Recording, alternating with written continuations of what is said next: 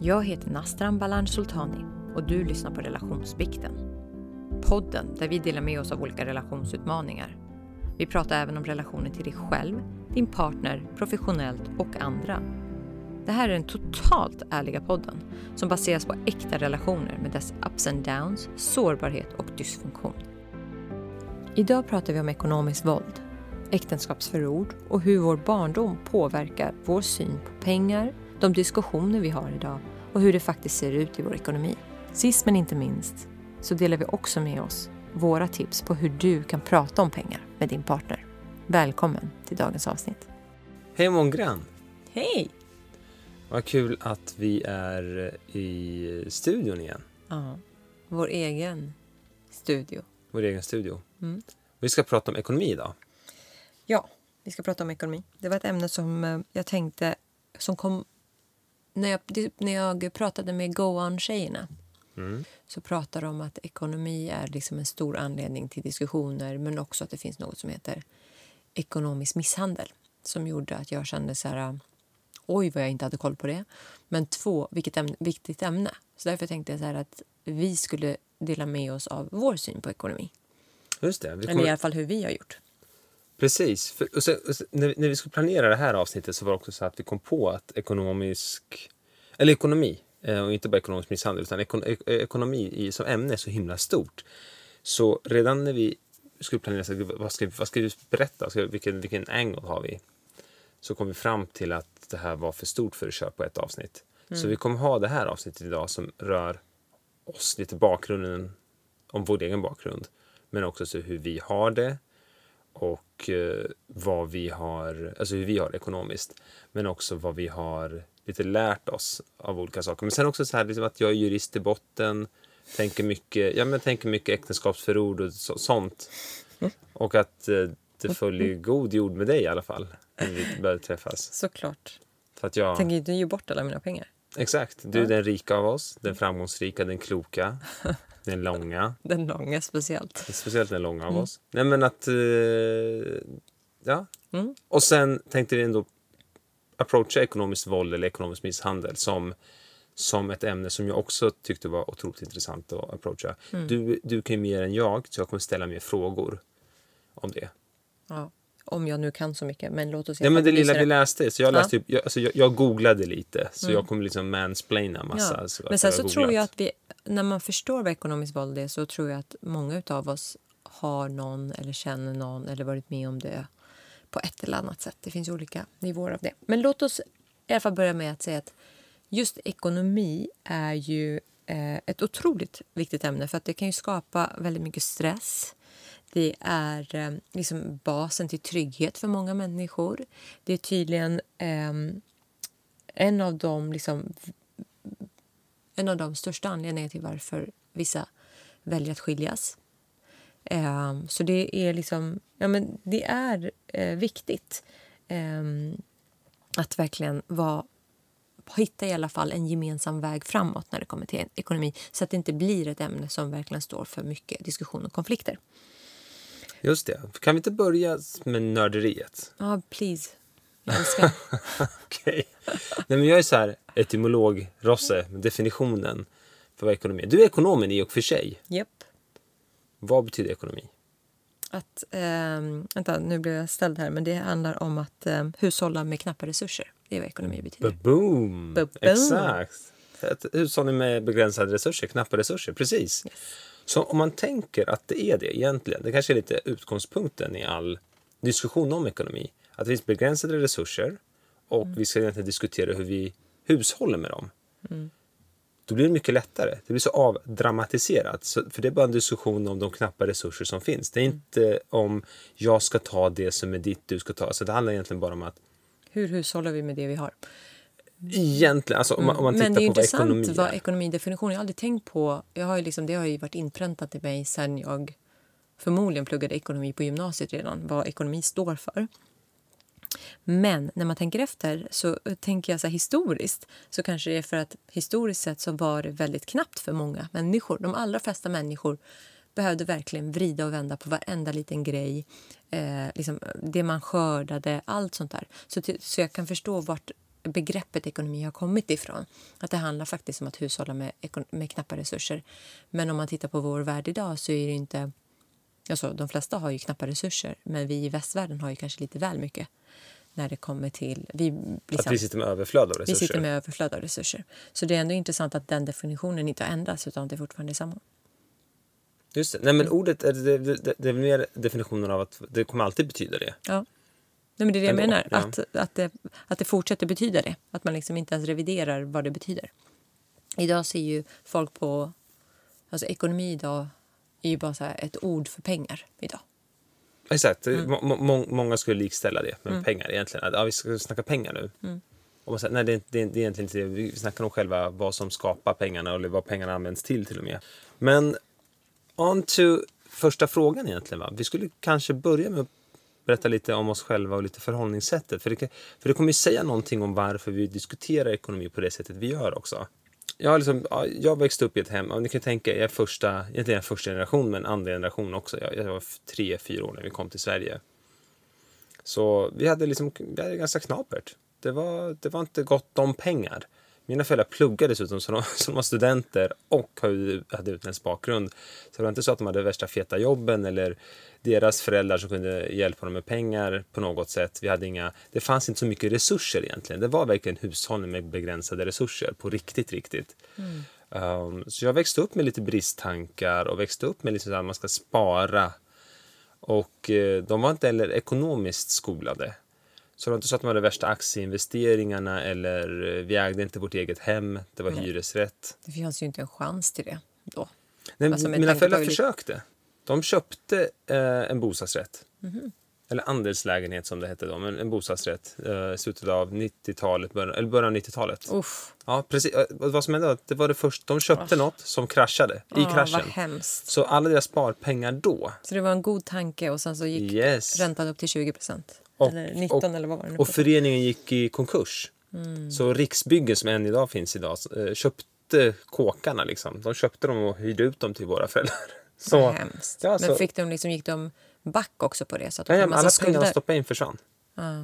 Så alla pengar de hade stoppat in försvann. Jag tror de cashade alltid. Alltså på den tiden var det lite så. De cashade och jag vet inte om de var skuldsatta också i nej, för Jag vet att många var ju tvungna att sälja sina hus och lägenheter och radhus och så. Och då fick de sälja det för eh, ett lägre belopp än vad de själva hade köpt det. Mm. Så inte nog med att de förlorade sin insats så var de också skyldiga banken då mm. helt plötsligt flera hundratusen kronor till en ganska hög ränta. Så insatt är jag inte. Jag vet bara mm. att det var, det var tumultartat i mm. hela den här nya föreningen som hade bildats när folk flyttade in. Att liksom, var har alla pengar gått då? Och man mm. fattar inte vad som vad har hänt. Hemskt, vad tråkigt. Ja, ja och de blev brända ganska tidigt. Mm. Då har vi varit i Sverige i fyra år. Observera, liksom att vi, då var det, det var första grejen som hände nästan. Och sen vågar man inte göra om det. Exakt, för i, i Iran ägde de fastigheter. Mm. Men i alla fall, så, så jag växte upp så och så jag fick liksom... Och vi hade, jag växte upp i ett ganska rött hem. Alltså vänsterhem. Så det var också, det hjälpte ju inte till för mig. Det hjälpte inte till att liksom, bli skolad i någon slags entreprenörskap eller investera eller aktier eller så. Utan alla, allt, det ska fördelas jämlikt. Exakt, du ska betala din skatt. Du, du, du, ska bli akademiker, det fick jag veta. Mm. Uh, skulle man, de som har läst Rich Dad Poor Dad vet att liksom, det är liksom the losers way på något sätt. Men att enligt den akademiker. boken. Att bli akademiker is the losers way. Du ska bli entreprenör. Eh, för då kan du anställa akademiker som jobbar för dig istället. Mm. Ja, I varje fall, det är en helt annan grej. Mm. Då? Ja, men lite liknande bakgrund i form av att eh, igen, vi var första generations invandrare. Sen på det så skilde sig mina föräldrar. Så det var det blev ju ännu mer knapert. För helt plötsligt så skulle de ha två hem som de skulle betala för var för sig. Eh, och liksom, min mamma hade ju alla barn... Eller hon var ju liksom, hade oss två utav eh, mig och min syster och min pappa hade min bror en ta, ett tag. Eh, så nej men det var väldigt knapert. Det var liksom... Jag kommer ihåg en period när jag... Jag har ju haft ett ekonomiskt sinne ända tillbaka till när jag var liten. Men eh, jag kommer ihåg att jag hade 100 kronor och sen så kommer min pappa någon gång och frågar så här, kan jag få låna din hundralapp för pengarna var slut. Liksom. Och jag sa ja, absolut, men det är 300% ränta på det. Så jag skulle låna ut det för 100 kronor, men jag skulle få tillbaka 300 kronor. Min pappa skrattade och sa absolut. Och sen fick jag aldrig se de pengarna igen. Bra deal. För någon av er. Ja, precis. Jag trodde att det var en bra deal för mig. Men, nej, men det var ju alltid så. Liksom, det var en vecka kvar till pengar skulle komma in och liksom, pengarna var slut. Hade inte ens 20 kronor kvar. Liksom. Min mamma liksom räknade pengarna i plånboken när hon gick och handlade för att hon inte ville stå där och skämmas om hon hade tagit lite för mycket. Och i, många gånger var det att hon fick liksom bara, ah, men vi tar bort det där, vi tar bort det där. Eh, båda mina föräldrar både pluggade, jobbade för att liksom försörja oss. Så det var väldigt, liksom, eh, väldigt knapert. Eh, och jag kommer ihåg liksom bara när, vi, när jag var 13 eller 14 och mm, liksom, skolan skulle åka på skid Läger till Kungsberget. Jag hade aldrig åkt med. För Dels kostar det mycket att åka, dels så måste man hyra utrustning och så. Eh, men då tjatade jag och min mamma var liksom, mamma jag vill följa med, alla mina kompisar ska åka. Och hon sa så här, men nästan jag har inte de här pengarna för det kostade tusen kronor. Tusen kronor! Alltså för min mamma var det liksom tre, alltså jag vet inte hur många månaders sparande. Eh, och, och jag grät och grät, bortskämd som jag var tänkte jag säga, men jag var inte bortskämd. Men, eller uppenbarligen var jag... Ovetande om hur knappa resurserna var? Nej, jag visste ju det också, men jag var väl ganska egoistisk då och kände att jag eh, vill också. Eh, nej, men så jag grät och grät och tjatade till mig att jag faktiskt skulle få åka och fick de här tusen kronorna som säkert hon tog, liksom sina sparpengar. Och under hela min uppväxt så åkte jag och min pappa en gång på semester och sen så åkte jag, mamma och mina syskon en gång på semester. Och på den semestern så insåg hon att pengarna tog slut och fick låna av dem som vi var där med. Så det var liksom väldigt knapert. Men vi har ändå varit utomlands. Det är, liksom, det är bättre än vad många andra har. Men så det är klart att det fanns mycket bristtankar. Och, um, men jag har alltid också, när jag var, var yngre, varit den här, om man pratar spara och slösa, så har jag alltid varit spara. Eh, den som sparar har.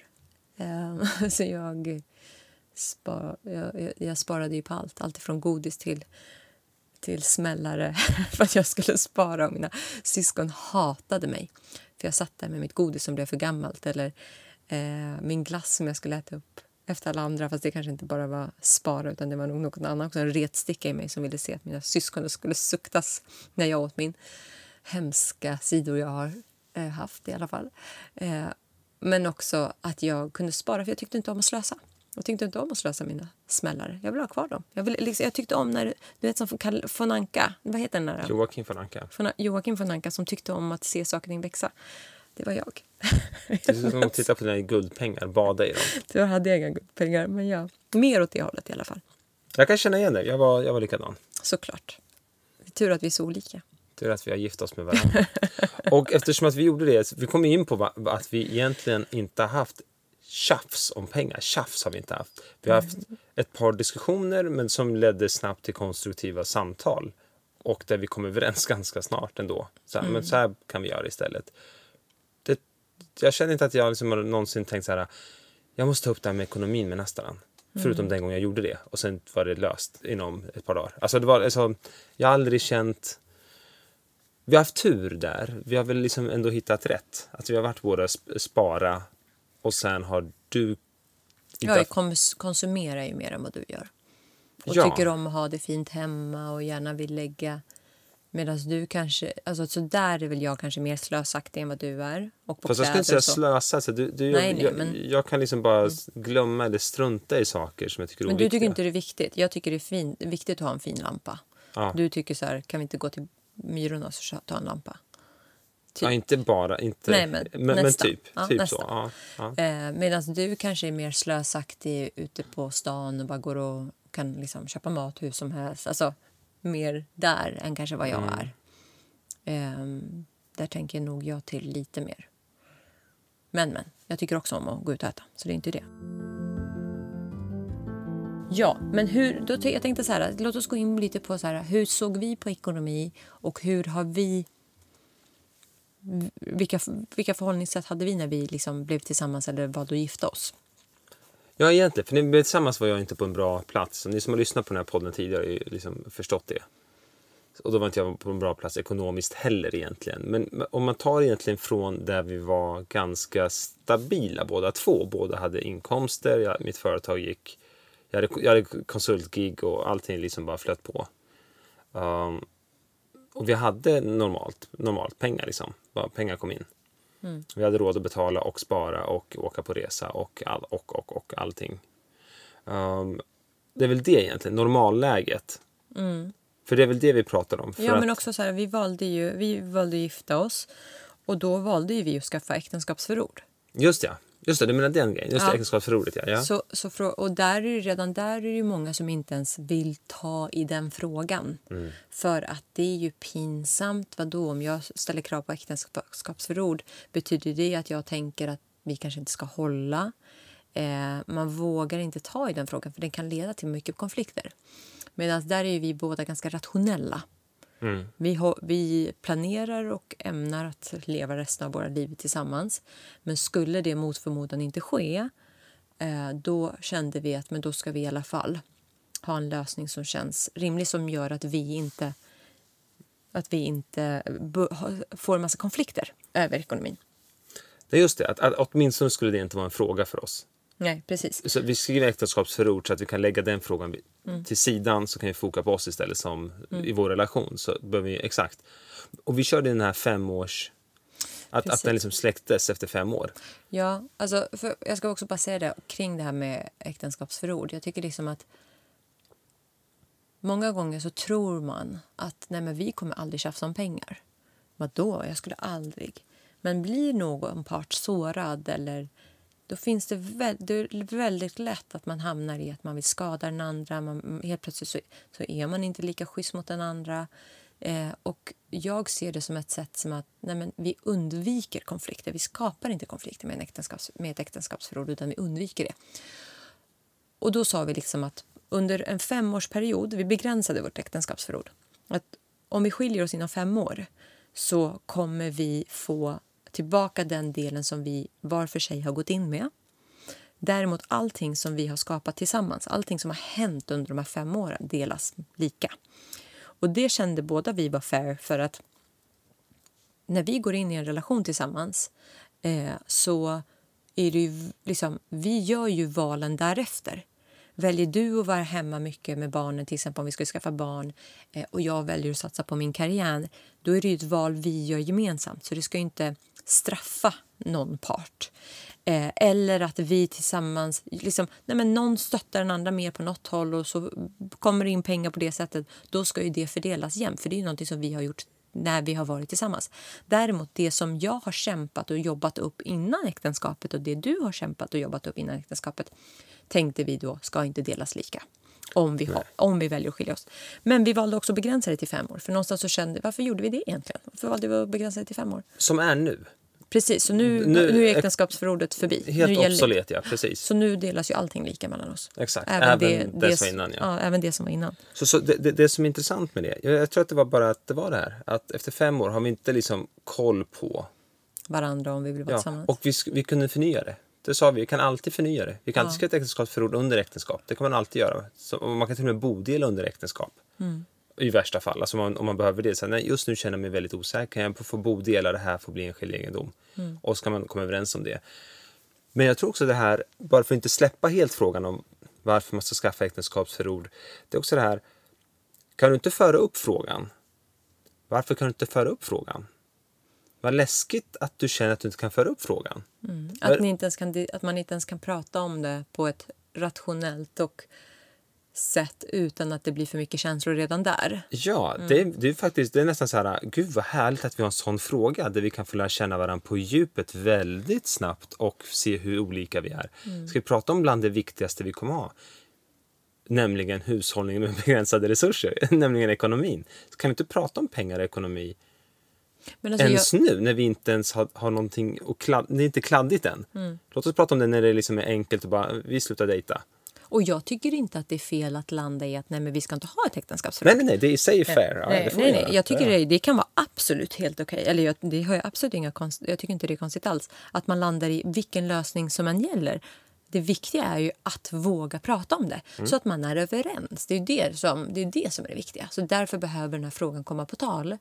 Eh, sen att man väljer att nej, men vadå? Ett, vi går in med lika mycket pengar. Två, vi känner att vi är trygga i vad som än händer. Eller liksom, vi pratar om det och, och vi kommer lösa det. Ja, eller jag tar risken. Nu kör Ja, vi. precis. Och sen vet jag om det. Nu har vi pratat om det. Nu tar jag risken.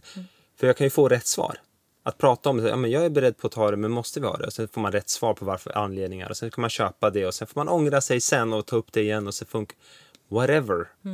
Men kan man inte ens ta upp det så kanske det i sig är en liten, om, alltså om man vill ta upp det, så är kanske det i sig en varningsklocka. Men vi ska inte gräva oss för djupt. Jag tror, jag tror att många där ute är, är, är minst lika smarta och rationella som vi är. Så vi ska liksom inte bara, åh, det här är alla argument för ett äktenskapsförord. Jag tror många har tänkt tanken. Eh, men det kan också vara vettigt att... Men jag vill bara också säga det att även om man inte är gift så är det också viktigt att fundera över samboavtal. Jag vill bara lyfta den. För att jag vet inte om alla känner till det att så fort om du väljer, nu kan inte jag samboavtalen utan och innan, men väljer du att skaffa ett, ett eh, boende tillsammans, alltså om ni köper en lägenhet och speciellt, det spelar ingen roll vem som har betalat för den, det spelar ingen roll hur ni har fördelat, om inte det finns papper på det. Ehm, och det kan också vara så att du redan bor i den, du har redan köpt den och sen flyttar din, en annan person in. Så länge man är skriven där och man är sambo, jag minns inte om det finns en begränsning på ett antal år eller så, jag minns faktiskt inte den detaljen, men då kommer allting i bohaget delas lika om man väljer att eh, separera. Det, det där är med vissa, med, med brasklappar, det är det du sa. Men vi ska inte ge juridiska råd idag. Vi Nej. kanske ska se upp med det. Men det, det, det nästan vill säga kanske är så här. Nu, nu vaknar juristen i mig och så här. Har du läst på om sambolagen på sista tiden? Nej, jag har inte det. Det är därför, det är därför, det är därför, För jag vet att jag skrev en artikel om det. Ja, men det, det, är därför, det, okej, ja vad bra, då ska du få fortsätta. För det var mycket jag tror och jag, det borde Mm. Nej, vara... men jag, det är därför jag säger jag tror och så, för att jag tänker jag, mer så här, kolla upp det. Exakt, det kanske är det Mm. som är hela takeawayen här. Um, action pointen är, om du är sambo, skriv ett samboavtal. Ja. För, Om du inte är okej med att allting delas lika. ja, för det kan vara worst Mm. case scenario eller best case om du är den som ska få massa. Precis. Så. Eh, vi har ju, sen finns det ju så här och massa olika sätt att dela upp pengar. Jag vet eh, vänner som har allting gemensamt. Alla pengar. stoppas in i ett konto. Liksom. Allt delas, stoppas in i ett och gemensamt konto och sen så fördelas det ut till liksom alla ens räkningar och allting. Och det som är kvar är allas. Liksom, att göra vad man vill med. Det är kommunism. Jaha, förlåt. Vi Så det är ett sätt. Ja. Eh, Det kan också vara att man har det helt skilt. Det vill säga att det här är våra gemensamma kostnader. Så stoppar man in lika mycket. Och det som man har kvar på varsitt konto det är ens eget att Det får jag köpa godis för om jag vill. Precis, du får köpa godis för det om du så vill. Och jag får göra vad jag vill med det. Ehm, så, och sen finns det ju också att man kanske delar upp. eh, att, alltså att det är någonting däremellan. Ehm, där man väljer att säga att nej men Man får bara behålla x kronor och resten ska in. precis. Ja, det finns en massa varianter i alla fall. Och så finns det de här helt, eh, som vi tycker, galna varianterna. Jag kommer bara stoppa in det här och även om dina pengar tar slut så får du leva på dem. Men vi kommer in på det sen. Ja. Nej, men för, för eh, jag tycker så här, det finns ju också en annan variant där man delar upp baserat på hur mycket pengar man tjänar. Just det. Så säg att du tjänar 100 000 kronor i månaden och jag tjänar 25 000 kronor i månaden. Eh, vad vi har netto, det vill säga efter skatt, är väldigt skil alltså, det skiljer sig väldigt mycket på vad du har versus vad jag har. Och då finns det också den lösningen där man faktiskt kan dela upp baserat på hur mycket man tjänar. Så tjänar du x procent mer än mig, då, då tar du också x procent mer av kostnaden. Ehm, och då blir det mer jämlikt utifrån hur mycket man faktiskt tjänar. För det finns ju också situationer där, Ja, du menar till exempel säg att du tjänar... 30 procent får man behålla. 70 procent ska in. Ja. Oavsett hur mycket du drar in. Precis. Typ så. Okej, ja. ja. Eller vi har kostnader på 10 000 säger vi. Om du tjänar 50% mer än mig, då tar du 50% mer av de kostnaderna. Procent mer än dig. Det här är en så här äh, konsultintervju. Okej, älskling. Men sen finns det också de här situationerna där man, och det här kommer vi lite in på ekonomisk misshandel. 6 000 eller 4 000. Okej, älskling. Jag älskar att du fortsätter tänka på det. Förlåt, jag kunde inte, inte tänka på det. Okej, Okej. vi kan fortsätta. Ja. Men nu vet ni allihopa, jag är ganska snabb på den frågan. Men inte riktigt snabb, eh, kanske inte det. Och Jag vet, nej, precis. Jag vet inte ens om du fick rätt där. Men för jag vet inte ens vad jag sa för fördelning. Och ni som hörde att jag fick fel, jag kommer inte jobba som konsult. Så I don't care. Jag kan ge dig ett mattetal sen om du jättegärna vill räkna på det. Tack. Mm. Tio. Men om vi då kommer in lite på ekonomisk misshandel så finns det ju faktiskt situationer där eh, man kan vara ganska grym mot den andra och säga så här, ja men jag struntar i vad du tjänar. Vi ska lägga in så här mycket i det gemensamma. Sen att du väljer att ha ett jobb där du bara tjänar 25 000 kronor. Men det kan innebära att du kanske har 15 kronor kvar på ditt konto efteråt. Medan jag kanske har 15 000 kronor kvar på mitt konto efteråt. Och jag går ut och gör massa roliga saker, jag köper massa grejer, åker på semestrar privat. Medan du inte kan göra någonting. Och det är ju otroligt. Jag tänker att det dels är kränkande för den andra. Det är inte speciellt kärleksfullt överhuvudtaget. Men det är också en form av kontroll av att den andra faktiskt inte kan göra någonting. Och speciellt då om den ena inte har fått vara med och påverka utgifterna. Hur vi ska bo. Eh, om den ena tjänar mycket mer och tycker så här, men det här förtjänar jag. Jag ska bo så här. Jag ska, vi ska ta så här mycket i lån. Om den ena då inte har fått, den som tjänar mindre får vara med och påverka lika mycket eller tycka till. Då blir det ju faktiskt en, eh, en ekonomisk kontroll som den ena utövar på den andra. Om man inte är villig att dela med sig. Och... Tänk om man har försatt sig. Nu ska jag problematisera det här. Ja. Jag håller med dig. Men jag vill ändå problematisera. För jag Ja. tänker så här, det kanske finns ett fall där någon har försatt sig i den här situationen. Vi går in och vi tjänar ganska bra och sen gör vi den, gör, den här manövern. Vi flyttar in, vi har de här kostnaderna. Och sen så väljer jag att jobba lite mindre. Mm. Och sen så hamnar jag i den här situationen till slut. För sen när jag väl vill jobba mer igen, då finns det inga jobb plötsligt i ett år, två år. Mm. Och då hamnar jag där och du känner så här, men vad i helvete, varför gick du ner? Ska jag hålla på att drabbas av det nu? Jag jobbar ju ihjäl mig. Jag jobbar ju för att vi ska kunna ha det bra. Och det här var vår deal. Du bröt mot dealen. Det var, det var okej. för du bara, men jag kan få jobb igen när jag vill. Men nu när vi bara, ah, det här funkar inte för dig. För du drar inte in lika mycket och det är inte, det är inte okej. Nu kan inte du få det. Ska jag hålla på och ge efter för mina hobbys? För den deal vi hade. För vi hade en deal om att jag skulle kunna få göra alla de här sakerna. Mm. Är det ett undantag då? Har, hänger du med? Det, det, Nej, det, det är inte helt solklart alltid. Nej, det är det inte. Och jag tänker så här, man kan också ändra sig på vägen. Alltså, Absolut, men här pratar vi kanske om avsikten. Att jag kanske vill... Nu i det här fallet är jag ond, säger vi, för jag, jag gör en ond där som tjänar mer. Mm. Um, då, här snackar vi om av, när avsikten är att faktiskt kränka, inte kränka den andra, att Mm. kontrollera den andra. Och det blir en kränkning då. Det är kanske det vi pratar om, inte Ja. att det blev så, utan att man gör så för att få kontroll. Mm. Det är det vi pratar om kanske. Men jag tänker så här, äh, i den där situationen. Ja, det går emot ens överenskommelse.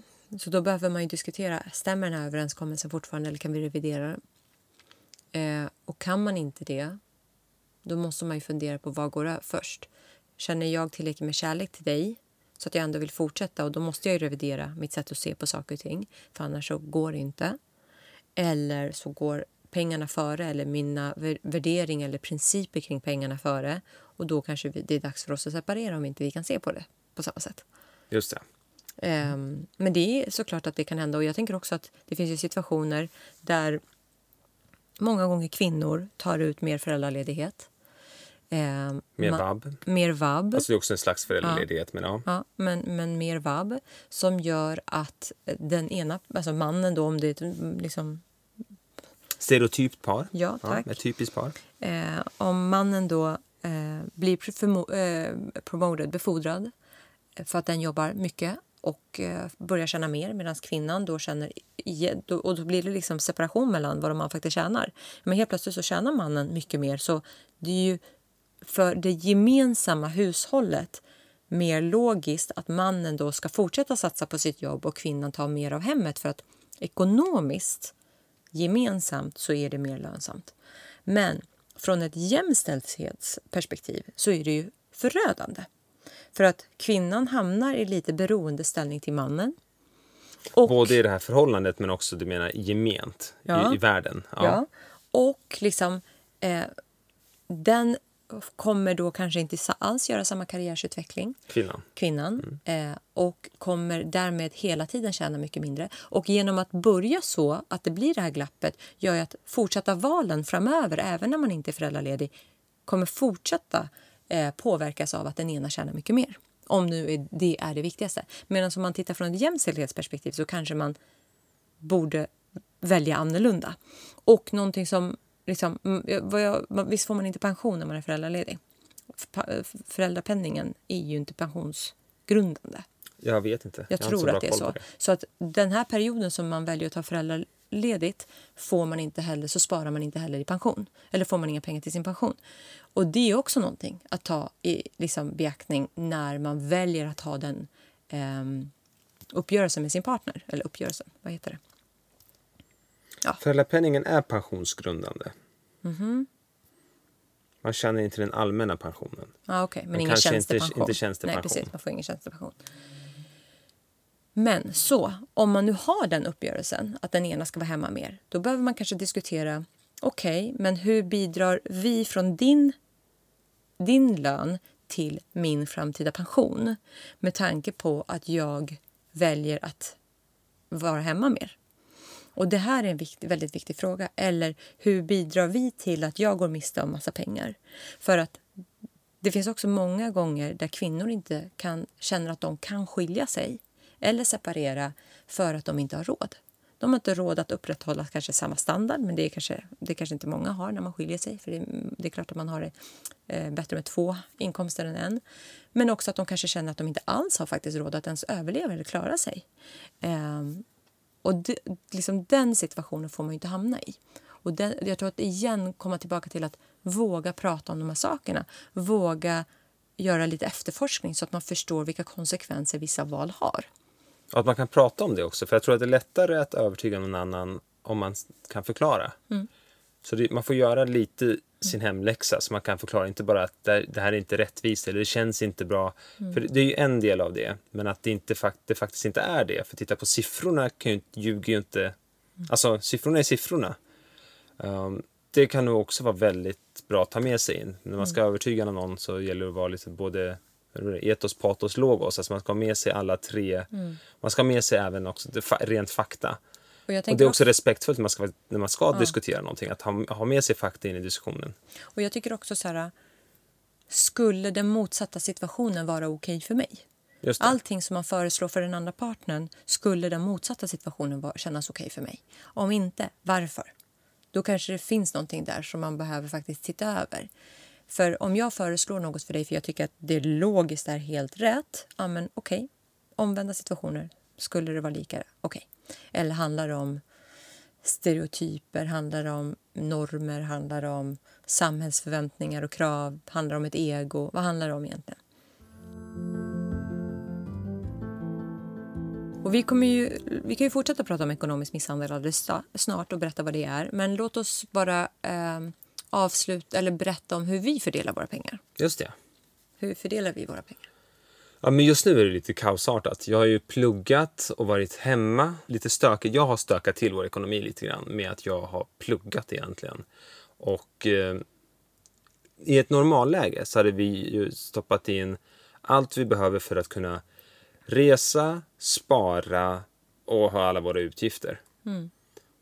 Och sen har det blivit mindre någon månad kvar på kontot. Har vi stoppat in mer, blir det mer så ligger det kvar och skvalpar till nästa månad in i en buffert eller någonting. Så har vi gjort. Vi har haft en buffert som varit gemensam upp till en, en, ett visst större belopp liksom. Där vi har känt att om ett par, några månader ligger där. Vi kan klara oss några månader vad, vad som än händer. Och sen har vi haft ett konto, betalkonto som, som, som egentligen i princip ska nollas varje månad. Det ska Ja. bli noll varje månad och sen fyllas på och bli noll. Men ibland blir det minus, ibland blir det plus.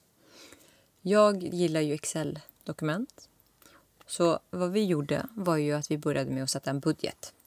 Ja, du menar så? Jag tror du menar hur det blev. Ja, ja, det, resultatet. jo, men, vad det vi också. gjorde, ja. Okej, ja. Nej, men, och det, jag tycker att det är ganska bra sätt att börja. Att säga så här, men vad, vad är våra gemensamma utgifter varje månad?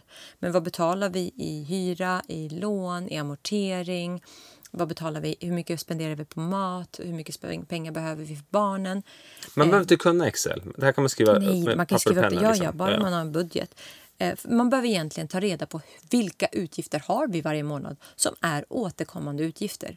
SL-kort, eh, träningskort, vad det nu än är. Eh, aktiviteter för barnen, vad kostar de? Vad är det för liksom, kostnader vi har? Bara genom att liksom, synliggöra det hjälper ju också om man hamnar i en situation där man eventuellt måste spara ner. Man måste liksom skära ner på sina kostnader. Då är det också lättare att gå tillbaka och säga vilka av de här grejerna tar vi bort? Tar vi bort hobbys? Tar vi bort att vi lägger flera tusen kronor på att äta ute? Vad är det vi lägger på, tar bort? Så vi hade ju det, våra liksom, utgifter som inte riktigt som är vanliga utgifter varje månad. Sen hade vi, till att börja med så började vi med det. Och så, tyck, har jag för mig också att vi sa att vi ska spara en viss peng varje månad. Eh, förutom amorteringen. Och den pengen valde vi ju att lägga in lika mycket på. Så säg att den pengen är 40 000, säger vi. Ja, men då la vi in 20 000 kronor var.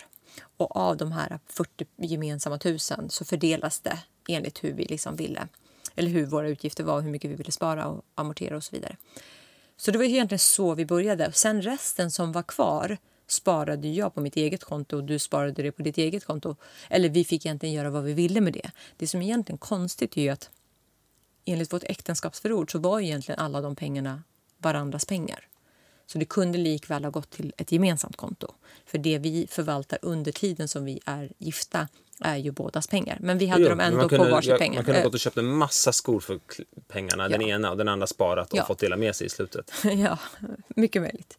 Eh, men sen kom det ju tillfälle där du kände att nej men vänta, vi, i relation till hur mycket vi tjänar så upp, kände ju du att vi sparar alldeles för lite. Du kände dig lite stressad över det. Medan jag blev lite stressad över att jag trodde att du ville begränsa hur jag inredde här hemma. så du tog ju upp det några gånger. Du, var, du, du tyckte ju det var lite jobbigt med ekonomin en period ju.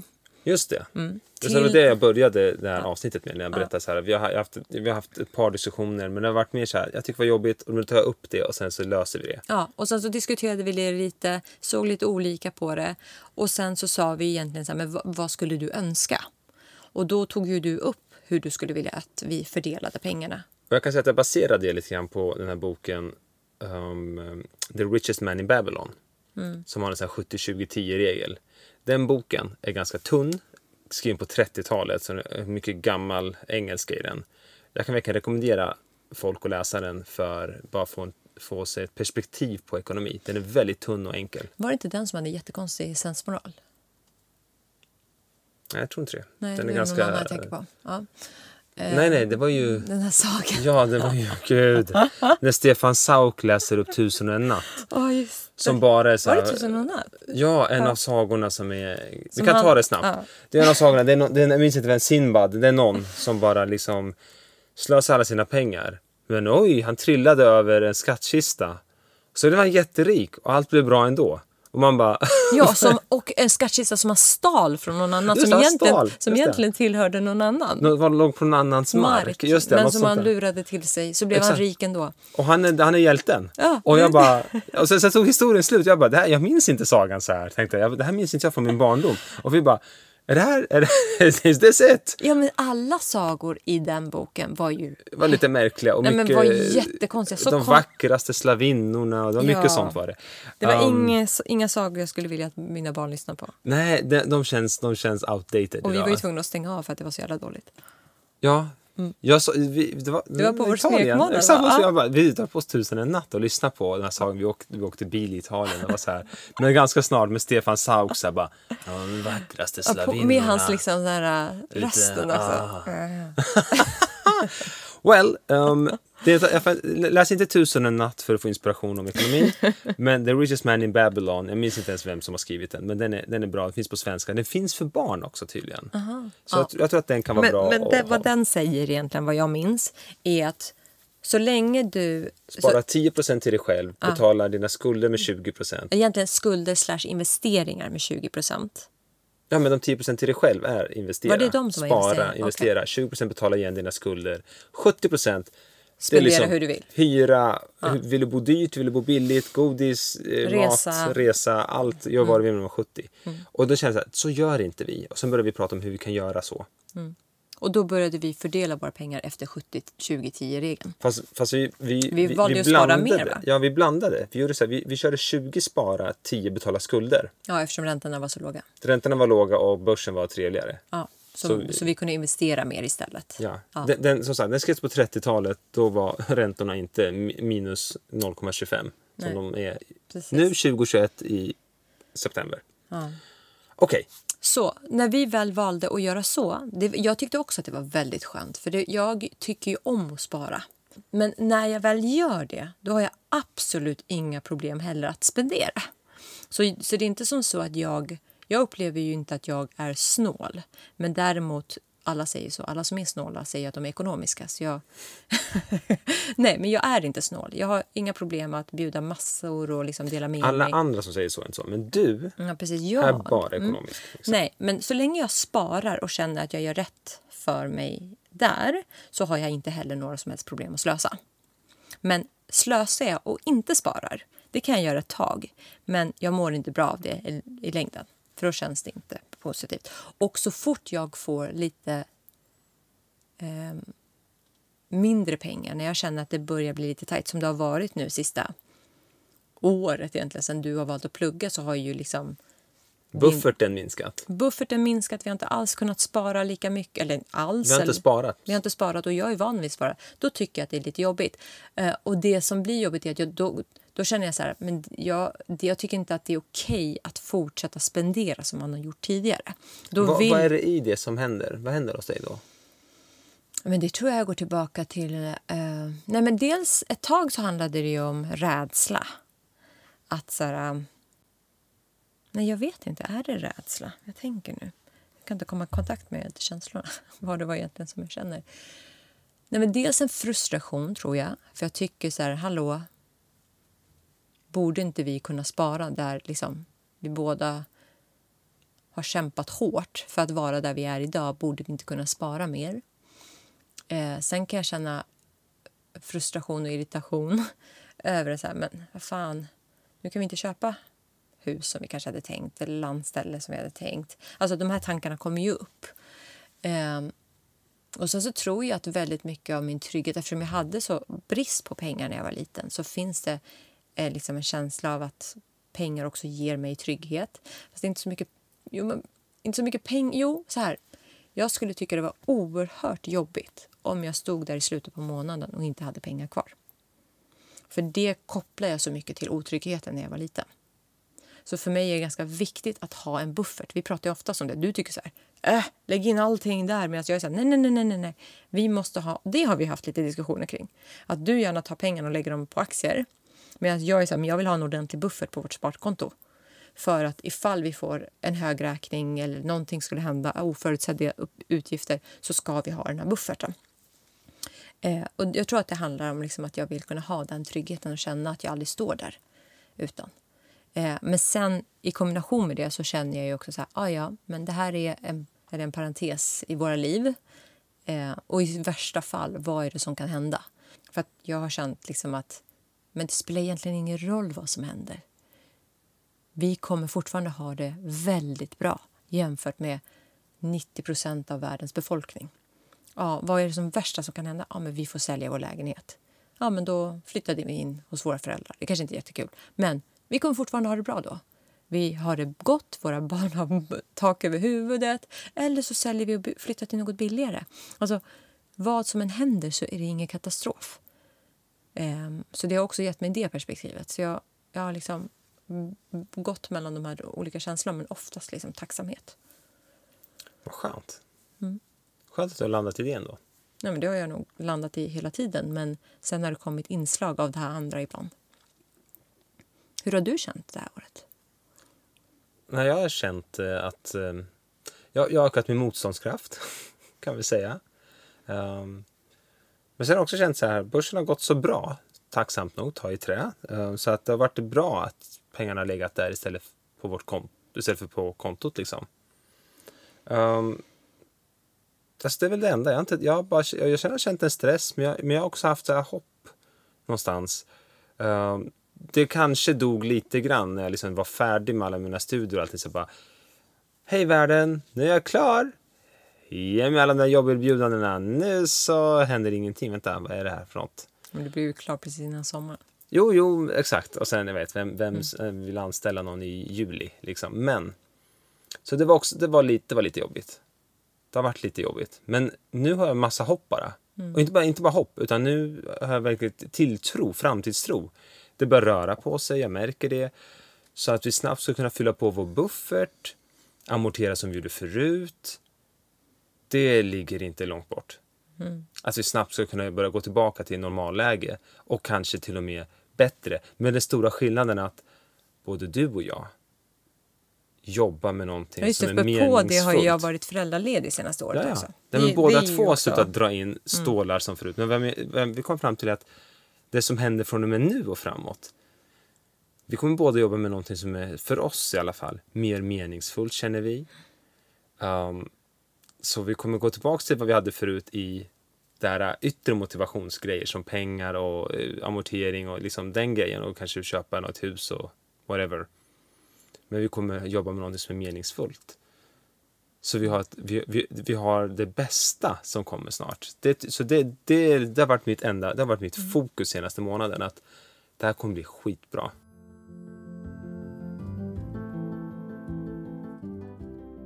Under hela vår relation så har ju jag tjänat mer än vad du har. Har det liksom, nu är du väldigt liberal i dina tankar, men jag tänker liksom stereotypen där ute är ju att mannen tjänar mer. Har du, har du tyckt att det har varit jobbigt någonstans? Tror du att många män tycker det är jobbigt?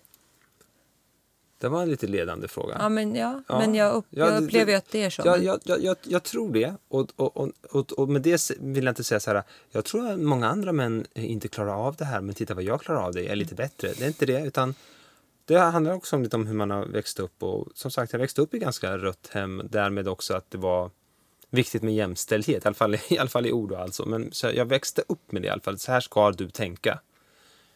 Så för mig har inte det varit jobbigt alls. Snarare tvärtom. Jag har liksom jag har varit lite stolt över att en person som tjänar mer än jag vill vara med mig. Vilken annan kvalitet för, för jag med mig som gör att den personen inte bara tittar på mina pengar. Så jag har valt rätt. Och då blir jag också glad över att du har gjort det. Det säger mycket om dig som person också. Att du inte tycker det är jobbigt att din man tjänar mindre än vad du gör. Vad tänker du om den grejen? Eller svarade jag på din fråga först? Så. eh, Jag tycker inte det är jobbigt och jag baserar det på mina värderingar. Så, det är mitt men korta tror du svar. att många andra tycker det är jobbigt? Jag tror att om man inte stannar och tänker efter varför man skulle tycka det var jobbigt så tror jag att man tycker det är som get go. Alltså bara, eh, tänk att gå ut och käka middag och någon betalar för middagen mer än vad du har. Bara det, med en kompis. Jag menar, bara det är lite jobbigt. Så varför ska du betala för mig? Du tjänar mer. Men det, det är lite jobbigt. Men om jag tänker, fan vi är kompisar, det har ju ingen betydelse. Hade jag tjänat mig hade jag gjort det. Alltså, om man hade stannat upp och bara, vår vänskap är större än Jag tänker inte så. Nej, vad härligt. Men jag menar, en- man kan ju tycka det. Att det är lite så här, varför ska du betala mer? Men, jo, men du tjänar mer. Men jag tjänar mer. Jag, du, jag tar det här. Jag vet att det är lite tufft, du går på CSN. Eller whatever. Men väl Jag tycker det bara är fint. Alltså jag tänker så här, om jag tjänar pengar och jag går ut och äter med en kompis som är föräldraledig, då är det klart att jag betalar. Tänker jag. Ja, så tänker jag med. Ja. Men vem menar det så här? En del kanske tycker det är jobbigt. Mm, absolut. Att jag inte vill att du betalar för mig. Jag är inte fattig. Jag, inte, jag kan klara mig själv också. Liksom. Men, men vad, vad, vad spelar det för roll? Om man bara stannar upp och undrar varför man tycker det. Men om jag ställer frågan till dig då. Du har tjänat mer hela vägen. Vad tänker du om det? Jag tänker inte så mycket på det. Alltså det är klart att, nej, jag tänker inte på det utifrån ett manligt versus kvinnligt perspektiv. Jag tänker mer så här, du ska tjäna så mycket du kan tjäna. Alltså, Ja, ja. liksom... ehm, så här, undervärdera inte dig själv med det perspektivet. Alltså inte för att du gör det, men jag menar bara på att jag är den som alltid pushar på mina tjejkompisar att nej, nej, du kan kräva mer. Du ska veta vad killar kräver liksom. Eh, underskatta inte dig själv. Och det är som alla människor. Eh, och jag tror att i vårt fall så skulle jag nog mer bara så här, tjäna mer så kan vi ha det ännu bättre. Alltså, Göra mer saker. göra mer Ja, saker. Ge barnen mer ja, eh, Inte för att vi får det upplevelser. Mm. bättre, men du förstår vad jag menar. Om inte det betyder att du ska jobba ihjäl dig och vi inte har en relation kvar. Liksom. Ehm, men eh, nej, jag har inte, det påverkar inte min syn på manlighet eller kvinnlighet. Jag, jag tänker så här, till och med så här, om jag skulle träffa en man som hade mycket mer pengar än mig, jag skulle nog tvärtom tycka att det var lite jobbigt. Tror jag. För jag... eh, jag- Eller så här, så länge jag är självständig. För mig är självständighet väldigt viktigt. Eh, Så länge liksom jag inte blir beroende av någon. Utan för mig är det viktigt att kunna liksom leva mitt liv så som jag vill också, utan att vara beroende av någon annan. Så att jag känner att mindre än dig har bara haft den här grejen att um, carry your weight och uppskatta dig själv. Mm. Liksom mer det perspektivet än något annat.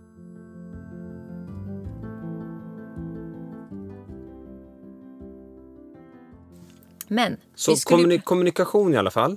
yes. Så kan man säga. Kommunikation. Mm. Att vi alltid kunnat haft såna här slags diskussioner om hur vi faktiskt känner. eh, Och vi har ju faktiskt pratat om det.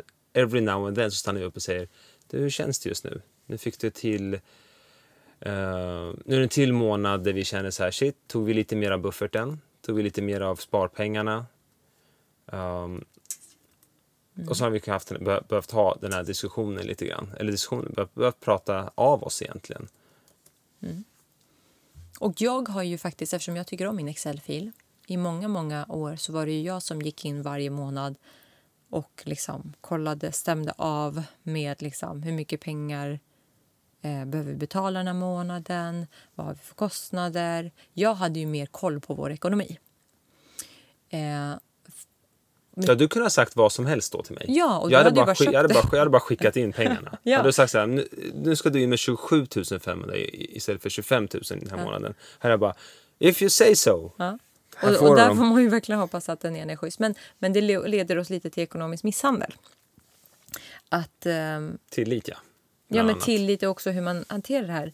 Ehm, För det finns ju en, en undersökning i Novus. Eh, Novus gjorde en undersökning på uppdrag av eh, något finansbolag minns jag. Det, här var från Aftonbladet, eller det stod i Aftonbladet, jag minns inte vilket finansbolag. Sve, Svea Ekonomi. Jag skrev ner det, just det. Svea Ekonomi. Och eh, att dela sin ekonomi, hur man faktiskt har det egentligen, att dela med sin partner. Och fram, då, framgår det ur den här undersökningen att 14 procent har, har hållit plånboksinnehållet, alltså hur mycket pengar man har, faktiskt hemligt. Mm. Och jag kan tänka mig att erkänna det ens för sig själv och sen erkänna det i en, även en anonym undersökning. Det, jag tror att det är något högre, skulle jag säga. Det är nog inte mindre än 14 procent. nej, det tror inte jag heller. Och det, kan, det är ju en del av ekonomiskt våld. Precis, att, att, inte visa, att liksom hålla sitt väldigt hemligt. Men ekonomiskt våld... Liksom, ja, det är jag ska bara säga att de vanligaste orsakerna som folk uppgav då Mm. ehm, var skam eller bristande tillit. Mhm. Så antingen skam för att man kanske har för lite eller så. Kanske. Kanske. Ja. Eller att man inte litar på vad den andra ska göra av den informationen. Precis. Mm. Tänk vad hemskt att leva med någon som du inte kan berätta för att så här ser det ut. Liksom. Mm. Eller om jag skulle säga så här, men älskling hur mycket pengar har vi? Och så, så vill inte du berätta. Eller så ljuger jag. Jag, ljuger. Ja, jag, jag, hittar, jag hittar du. på Ja, någonting. precis. Jag vill inte berätta. Nej, precis. Det är det du sa. Men alltså, och så ljuger jag. Mm. Vi har så här mycket tänkt så här. Hoppas hon inte någon gång hittar mitt konto i, bo, Ja, men i, eller i folk bank som har X. spelmissbruk. Just Där det. det visat sig att liksom, kanske någon har spelat upp alla ens sparpengar. Liksom. Ja. Fast det är ju en helt annan grej. Men ändå, anyways. Men ekonomiskt våld är tydligen väldigt vanligt. Och det är något som också eh, bör betraktas som eh, en egen form av våld i nära relationer. Som, alltså, det finns ju också fysiskt våld, det finns ju psykiskt och sexuellt våld. Men ekonomiskt våld är ett av dem. Eh, och eh, det här kan ju verkligen leda till isolering för den ena parten. Eh, och eh, ekonomisk misshandel innebär egentligen att en av parterna har full kontroll på ekonomin och den andra inte har någon som helst kontroll alls. Och det är att liksom, eh, det kan vara en känsla av att man inte bidrar, så man måste bidra mer liksom, tjänstemässigt. Säg till exempel att jag tjänar mycket mer än dig, så säger jag så här, vad fan, om jag ändå är den som går ut och tjänar pengar, då får du åtminstone se till att det alltid städas här hemma eller du får se till att laga maten. Du får se till att göra det, för du bidrar inte lika mycket ekonomiskt. Till exempel. Skulle du säga att det är en av varningssignalerna, en av ingredienserna? En, ja, men en bock? absolut. Ja. Absolut. Vad finns det fler för? för menar, det kommer inte från en dag till annan. Det är inte så att man, man träffar någon och sen så på dejt tre säger personen att så här kommer det bli. Och sen så säger de allt det här hemska och man bara gud jag vill gå på fjärde dejten med dig. Utan det här kan jag tänka mig att det här Det här kan trappas ju upp. smygas upp, ja precis. Så, så vad skulle du säga är en varningssignal för liksom, som man ska se upp med om man börjar gå in i ett förhållande och man märker att Ja, men en varningssignal helt enkelt för att man håller på att gå in i ett förhållande där Nej, ekonomiskt våld förekommer. Till exempel att den ena bara sköter alla räkningar och investeringar. Jag tänkte på att det, det påminner mig om att jag gjorde ju det. Ja. Eh, men Jag det, var glad för det. ja, du uppskattade det och det var ju transparent. Vi tittade ju på det där Excel-arket tillsammans. Ja, det var jag en, det visade var ju en delad eh, Google-fil. Ja, Alltså, det var- och jag ja. visade ju den varje månad. Du, så här ser det ut den här månaden. Du var så här, äh, vad tråkigt, måste jag titta på det där. Medan jag tyckte det var jättespännande. Men i alla fall. Eh, så till exempel att om till exempel kvinnan som tjänar mindre kanske alltid måste stå för eh, inköp av mat och andra grejer eh, medan mannen eh, sköter större räkningar, investeringar och har ett eget sparkonto som bara är hans förutsatt att man nu pratar om att man har gemensam ekonomi. För har man delad ekonomi, då kanske det, det kan vara så. Eh, men till exempel att man inte har insyn i hur mycket den andra tjänar, hur den fördelar sina pengar. Eh, eller att till exempel om nu kvinnan är den som eh, att hon till, till exempel skulle be honom bidra mer till barn och hushåll. Att, liksom, att han kanske avfärdar henne med att säga nej, nej, nej, nej jag har andra massa andra utgifter att betala. Eh, och att det enda hon tänker på är pengar. Att skuldbelägga den andra och försöka skam, alltså, eh, få den andra att känna skam över att den tar upp det är ju ett sätt att manipulera den här situationen. Eh, alltså, aha, men vänta, varför tjatar du om det där? Tänker du bara på pengar eller? Om någon till exempel skulle vilja säga så här, du, eh, jag funderar på att ha ett samboavtal. Va? Litar du inte på mig eller? Alltså, det är ju så här, va? Nej men okej, om jag lit, varför, litar, då kan ju du signa på det här. Men om man använder det mot den andra på det sättet, det tycker jag är en varningssignal i alla fall. Men jag tror att det är många som jag tar just det där argumentet. Eh, det kan också vara att den ena uppmanar den andra att eh, jobba deltid för familjens skull. Och hur vanligt är inte det här, vill jag bara säga. Ehm, eller att man till exempel säger men du, du borde jobba i familjeföretaget liksom, eh, utan att tjäna några pengar. Och på så vis därmed liksom, faktiskt den andra personen inte får något som helst pensionssparande eller ett eget kapital. Så det finns, jag tror att så här, googla på ekonomisk misshandel. Jag blev dels chockad över att oj, det här är en ganska stor grej. Jag kände faktiskt inte till det innan. Men när jag började läsa på, som till exempel det här att inte ge den andra insyn i ekonomin eller hur man... Det, det finns ju gradvis av det här. Det finns ju fall där en person successivt har tagit mer och mer kontrollen och hotat med våld och pistol och det ena och andra är liksom att den andra ska skriva över saker på en själv. Så det går ju liksom... Det finns ju, det finns ju nivå, många olika nivåer på det här. Men det är nog det är tydligen mycket mer vanligt än vad man vet och tror, eller vad jag visste. Ehm, och det är ganska hemskt, för det leder till att den ena precis, alltså att man bryts ner, precis som många andra eh, våld i nära relationer. Ehm, och att liksom det också gör att den här personen, som till exempel när, om den ena kontrollerar utgifterna, ja, men då kan inte jag gå ut och äta middag med mina vänner eller jag kan inte gå och hitta på den här aktiviteten för jag måste be min partner om lov. Och den kanske säger nej. Eller låna pengar. Eller låna pengar om det är som så att vi har en så skev fördelning av vår ekonomi att eh, Eller, eller, eller så här, fråga om lov, ja. Fråga om eh, bidrag för att kunna gå ut. För att det måste gå via banken som är min partner. Nej, precis. Och det leder också därmed till isolering för man kan inte träffa sina vänner. Man kan titta på saker och ting. Eh, och man kanske inte vågar, för man vågar kanske inte prata om det här heller. Så Det är intressant, för, för jag tänker också lite grann på det här med eh, behov, motivationer. Det finns ju flera motivationsteorier som gör att man, liksom, vad vågar jag göra? Vad vågar jag ta mig till? Vad vågar jag ens drömma om? Och om man tittar på den här välkända Maslows behovspyramid.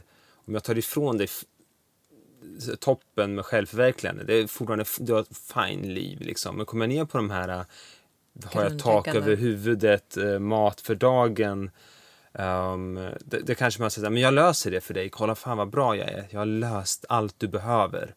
Ja, du har löst steg ett för mig. Vad fint, vad snällt av dig att lösa det. Uh, genom att du, ah, du, så du får all kontroll genom att du löser den basen. Gud vad schysst du är. nu säger jag allt det ironiskt. Men så kommer man upp på nästa nivå som, vad var det nu igen? Ja precis, så säkerhet ja. Just det, sömn och mat är det första. Sen kommer, sen kommer safety, liksom. att man har ett hem man kan gömma sig i, att man har pengar, att man, kan, eh, att man är stark nog. Men man kommer inte ens upp i tredje då, som eh, typ kärlek, tillhöra någonting och, och sen kommer självkänsla och sen kommer självförverkligande. Men, men man, man är inte säker. För din säkerhet ligger i någon annans hand. Nyckeln till säkerheten ligger hos någon annan. Du får egentligen bara ditt första fysiologiska... Ditt hem är inte ens ditt längre. För du, har inte ens, du vet inte ens vad det, om det är ditt. Och jag tänker så här, nu pratar vi om att vi har inte haft så mycket diskussioner kring ekonomi, men vi har inte heller haft det jättetufft. Nej. Så jag tänker så här att det är lätt att säga att vi inte har haft så mycket diskussioner när man inte heller har stått där på den där trappan och behövt ta ett steg ner eller ner eller liksom till och med varit på botten. För jag tänker så här, jag är ju mer... För mig ligger ju en, del trygg, en ganska stor del av tryggheten i ett boende, liksom att ha de grejerna. Du har ju inte lika mycket trygghetsbehov som jag har. Så jag tänker så här, om vi skulle få det ganska dåligt ställt och vi skulle behöva sälja massa saker, för liksom, i teorin är jag ju tacksam över de här grejerna, men i praktiken så vet jag inte hur jag faktiskt skulle reagera. Jag vet ju inte hur jag skulle reagera om jag kände att shit, nu försvann alla våra sparpengar eller allting som vi har sparat under alla år eller eh, att vi kan inte bo kvar, vi måste flytta någonstans eller liksom vi står där och inte har någon lägenhet. Jag är inte säker på om jag skulle vara lika balanserad då och säga så att det är okej, okay, jag är tacksam så länge vi är friska. Alltså, I don't know. Det kanske Vi skulle... har bättre än 89 procent av Ja. alla i hela världen. Inte 90 längre, älskling. Nej, precis. Jag Nej, men, du, jag vet liksom inte om jag skulle vara lika chill i ekonomifrågan eller om vi skulle se saker och ting på samma sätt då. Ehm, Jag vill bara lyfta det. Att det är lätt att sitta här och säga att det är inte Bra, så svårt. vill jag ta reda på liksom vad din gräns går. så Så, att jag håller mig ska... precis över den for the rest of our lives. Ja, precis. För det är, som ni hörde, det är bara jag som är problemet här. Men gud. Var det, var det tufft när jag Är du det? Var, var var det tufft när jag lyfte den här sanningen mellan oss? Att det är jag som är utmaningen. Att du är utmaningen, tänker du ekonomiskt? Ja. Det är sant. Det kanske... Nej, jag tror att vi bara är väldigt olika där. Jag har ju haft mer jobb där jag har tjänat bra med pengar. Du är ju mer, har ju varit mer entreprenören som har fått in större intäkter Då på an- då. då och då på olika sätt. Så jag tror att totalt sett så är vi nog, bidrar vi nog ganska mycket lika. Men på olika sätt. Vi har nog lite olika sätt bara. Mm. Men Och och jag tänker så här, vi pratar ju om kommunikation och det finns ju massa typer av frågor eh, som man kan ställa sig och prata om. Och det finns ju en app till exempel. Om man nu behöver prata om ekonomin så finns det massa frågor där ute. Det är bara att googla på dem. Frågor att ställa sig när man diskuterar ekonomi så kommer det dyka upp massa. Men det finns också en app som var ganska intressant eh, som hette typ Bättre relationer eller om man söker på relationsfrågor så kommer det upp en app där det finns jättemånga frågor inom olika ämnen. Och ett av de ämnena var ekonomi. Så man betalar, det finns vissa, grund, vissa frågor som var gratis och sen så får man typ betala 20 spänn så får man tillgång Ja, till alltså så här. 120 frågor. gör som vi gjorde. Betala 20 spänn för att sponsra dem. Helt enkelt. Det här är inget spon- vi har ingen deal med dem, det ska vi säga. Utan vi hittade det här och det var sjukt bra och vi betalar 20 spänn. Och det var livet. Um, de har gjort eh, ett bra jobb, tycker jag, och eh, bara lagt upp en ett helt gäng frågor. Um, Men så om så, du så bara vi skulle- vill dela med oss av de två bästa var. Ja, som- men vi eller bara så spontant vilka jag tänker bara att det är viktigt att ställa sig, tänker jag också. Dels är det ju bara att titta på så här, på vilka sätt har vi, ser vi lika på pengar och på vilka sätt ser vi olika på pengar. Den är ju ganska viktig att bara belysa från början. Tänker du något annat? Nej, nej, men du kan ta dem som, Ja. som vi kom överens om faktiskt. Eh, det andra är ju så här, vad inspireras du själv av hos din partner när det gäller synen på pengar? För det är ju att vända lite på att bara se den andra syn som ett problem utan tänka så här, ah, men jag gillar, alltså om jag nu ska tänka till så är ju faktiskt ditt slösa, om vi nu skulle säga så, eh, det visar också på att du bara lever i nuet. Alltså du är ju mer spontan, du, du njuter av livet medan jag är lite mer kanske trygghets eh, junkie, liksom, Så- om det nu skulle vara det scenariot. Att man istället för att tänka så här, ah, men du är bara den som slösar, att man försöker se men vad är positivt med ditt sätt också. För det gör ju att, igen, att man belyser det positiva och så kanske det är någonting som man faktiskt kan ta till sig enklare då. Eh, och sist, eh, en annan viktig fråga är väl lite så här, hur tänker du kring ditt pensionssparande och hur ser du egentligen på din pension? Vad ser du att du är när du är 65 eller 70? Hur vill du att ditt liv ska vara? Man kan ju lite börja från det hållet också istället för att tänka på så här, hur vill jag ha det nu? Alltså, det väljer man ju hur man gör, men ett sätt att göra det här är att diskutera så här, men hur vill vi ha det när vi är 70? Och vad betyder det då för våra val idag? Just det, för vad händer när vi är 60, 50, oj jag fyller 40 nästa år. Mm. Det är dags att börja tänka annorlunda redan idag om hur jag vill ha när jag är 70. Precis, för att, för att det finns ju en definition av rikedom. Mm. Den kanske man ska dra för att jag, jag tyckte om den. Den, den handlar om du är, bara, du, du är inte rik i pengar egentligen, du är rik i tid. Du inte behöver jobba. Mm. Och jag tycker om den. Hur länge kan du leva på de pengar du har idag? Om du inte jobbade. Så rik är du. Mm. Så förmögen är du egentligen. Så som du vet att om jag skulle fortsätta med den här livsstilen jag har idag, där, där mina utgifter är, nu, nu, nu säger vi en siffra bara så här, jag har 50 000 i månader i utgifter låtsas vi.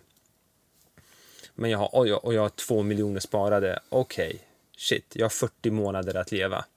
Så rik jag, jag är 40 månader rik. Så förmögen är jag. Mm. Och det är ett bra baklänges-tänk och det är kanske det vi pratar om här, att vi ska prata om hur ska vi faktiskt ha det? När vi inte kan jobba lika hårt, tufft, mycket längre. Yes. Good. Mm. Jag tror att det var lite allt vi ville ha sagt. Jag tänker att vi gick inte riktigt in på vad gör man om man inte ser lika på saker och ting. Men igen, jag tror att det handlar om att försöka hitta en mellanväg, en kompromiss. Mm. Så vad, är, vad är jag okej okay med och vad är du okej okay med? Kan vi hitta någon väg däremellan som och, funkar för båda? Och vad gäller ekonomiskt våld kan vi också bara mm. så här, märker du att, eller märker du att du är i, i en sån situation? Mm. Så det kan vara jätteskämmigt. Det kan mm. kännas jätteskämmigt. Det kan vara jätteskambelagt hos dig själv och det kan vara jättejobbigt att ens erkänna det. Men när du väl gör det, att gå berätta det för folk. För det kan vara så att dina vänner, bekanta, familj har sagt att Gud, vad är det för relation? Så har du försvarat hur du har haft det tidigare men nu börjar inse att det inte var bra. Det kan vara så också. Och att gå tillbaka till de här människorna är jobbigt. Men det är en början, att gå tillbaka till just de människorna som faktiskt, faktiskt såg det. För de är oftast också mest benägna att öppna famnen för dig. Mm. För de har själva sagt att du kommer tillbaka till dem är bara de, de är de första som kommer kunna hjälpa dig i så fall. Så mm. var, var, inte rädd att bryta isoleringen, för det är bland det viktigaste du kan göra. Bryt isoleringen.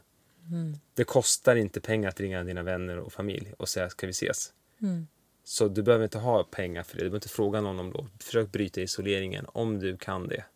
Uh, för det är först att beskriva att jag tror jag är i en sån här situation. Mm, och försöka få perspektiv.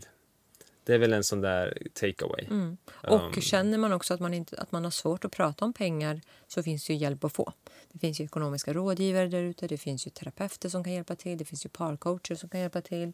Men jag tror att man kan vända sig till banken och få lite olika rikt, alltså stöd och sätt att agera eller Men banken ska man se upp med en grej, de vill ju sälja sina produkter ja, dessutom. Alla banktjänstemän har, sin, mm. har lite krav. Och vet du någon annan som skulle kunna tänkas vara ekonomiskt, under ekonomiskt våld så kan du åtminstone skicka dem en länk. Att hej, love you, jag läste den här artikeln mm. och sen titta på det här eller har, har lyssnat på den här podden. Skicka, skicka kanske det här avsnittet eller någonting. Mm. Uh, det kan vara väl värt för dem att lyssna på och reflektera över hur de faktiskt har det. Mm. Det kan vara intressant. Uh, de kan komma fram till att de har det fine och det är exakt så här de vill ha det. Men du behöver kanske bara känna att du har gjort vad du vill göra åtminstone. Precis. Så det var allt för idag. Vi återkommer om mer, mer ekonomi för att det har eh, många skrivit till oss om. Men vi har liksom bara väntat med det tills nu att det kändes rätt. Mm. Ha en fin eh, dag. Vi hörs snart igen. Hej då. Tack, hej.